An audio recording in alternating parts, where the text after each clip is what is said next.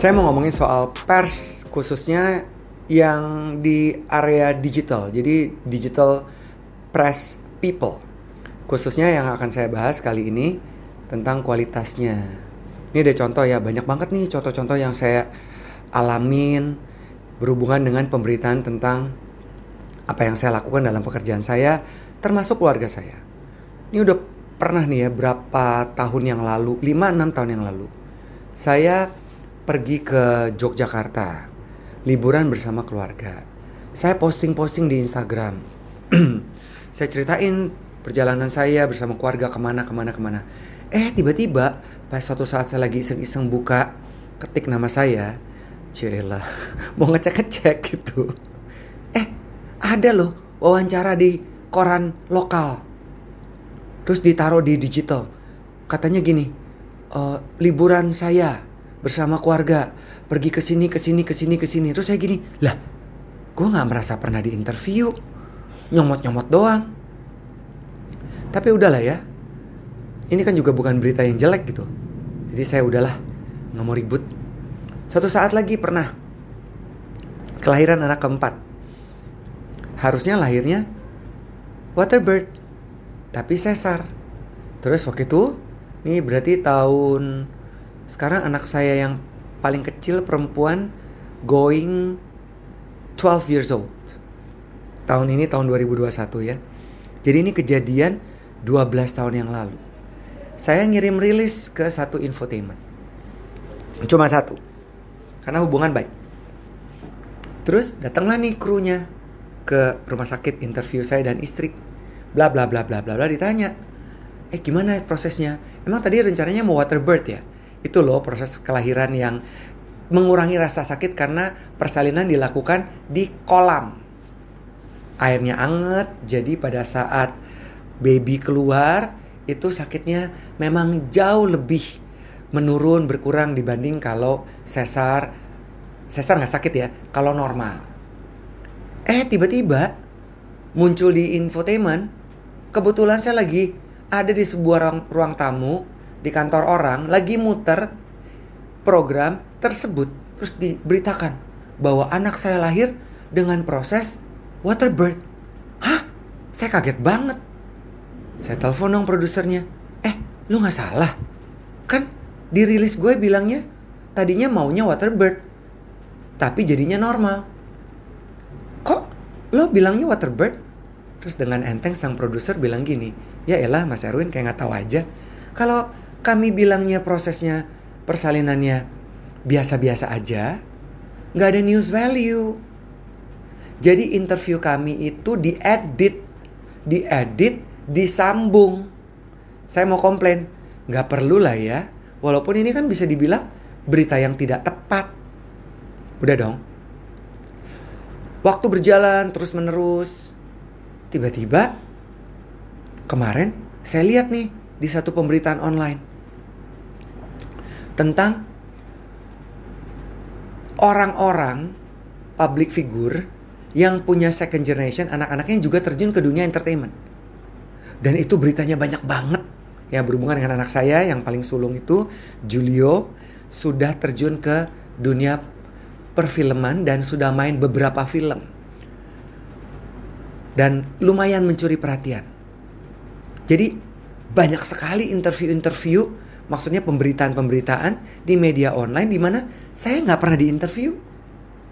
Udah dong, saya ngomong sama beberapa manajer artis, public figure juga, saya cerita, eh lo ngalamin nggak yang gue alamin?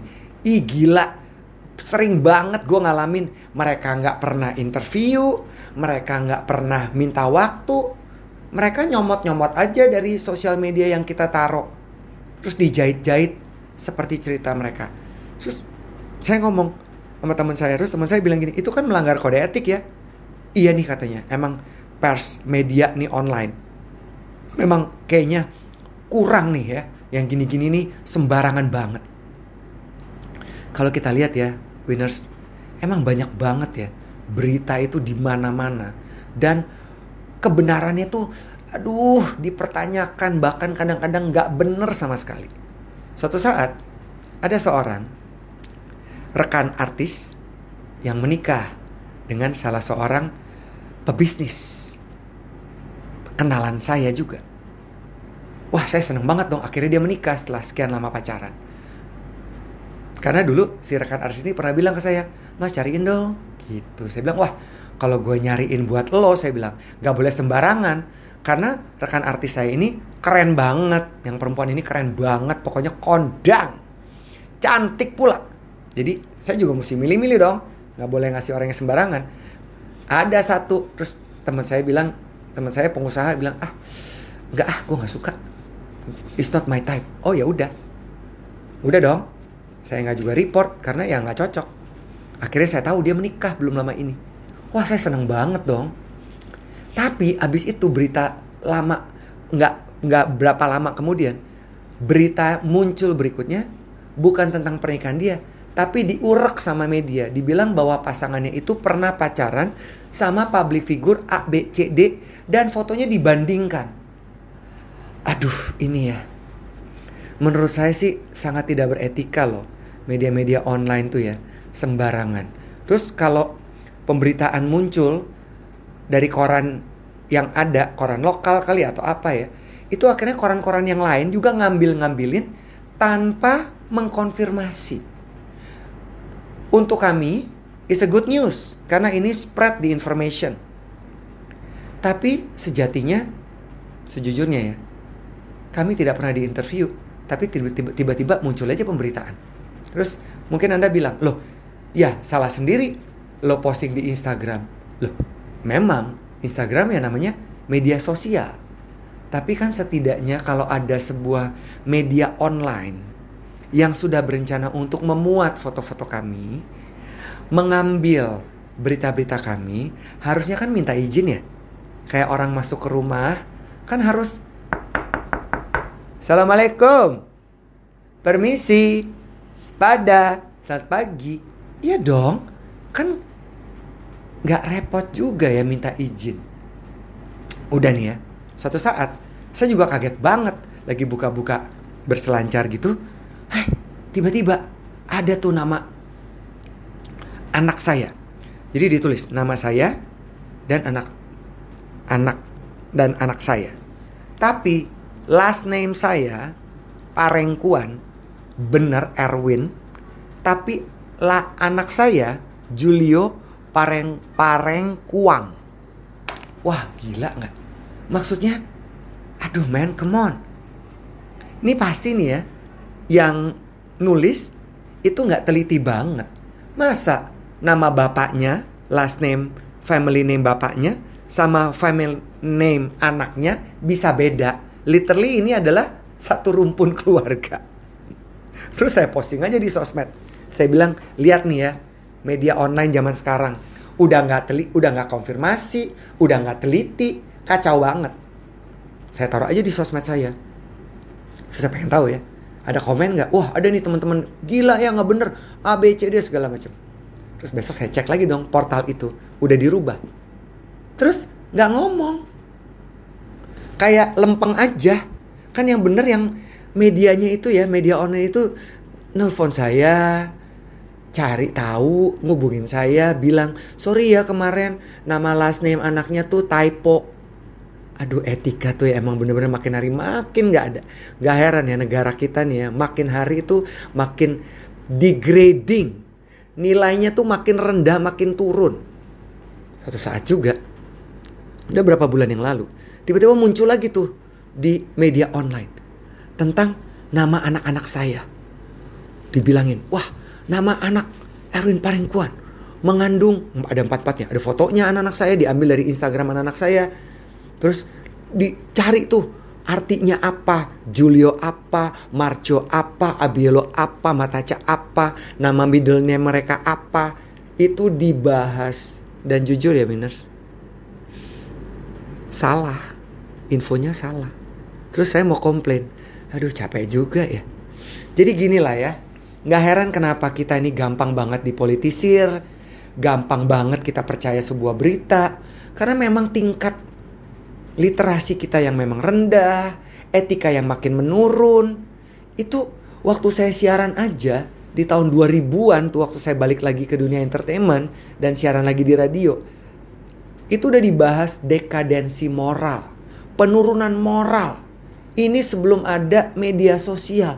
Sekarang udah menjamur seperti cendawan di musim hujan, makin kacau. Dan kasihan ya, mereka-mereka yang lack of knowledge. Itu kan termakan banget dengan berita.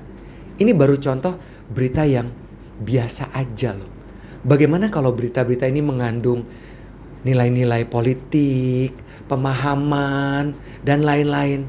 Aduh, jadi winners ya. Please be careful, baca berita-berita. Sekali lagi, lihat sumbernya. Jangan buang waktu, spend much time dengerin berita-berita yang nggak bener, yang kemudian source-nya nggak bisa dipercaya, gitu ya. Suatu saat, satu berita portal yang keren, itu memuat sebuah berita. Beritanya gini. Sok pasangan, bukan pasangan, pacaran. Udah tujuh tahun. Akhirnya berpisah juga. Wah korban perasaan. Ina inu. Dan kedua orang ini bukan siapa-siapa. Teman saya yang ada di advertising agency screen capture kirim ke grup. Dia bilang, gila ya media zaman sekarang ya. Ini berita nggak ada bobotnya sampah banget bisa dimuat. Jadi winner sekali lagi be mindful. Mari kita sekarang udah deh nggak usah buang-buang waktu. Nih saran saya ya, my humble advice to you all. Waktu itu udah jangan dipakai untuk ngelihat hal-hal yang nggak penting. Lebih baik kita meningkatkan kapasitas diri kita supaya kalau rata-rata orang makin shallow, makin rendah, makin gak beretika, makin komunikasinya kacau, makin narrow minded, makin sempit pikirannya, kita sendiri yang paling maju untuk meningkatkan kapasitas, akhirnya kita bisa survive menjalani kehidupan yang lebih baik dari waktu ke waktu.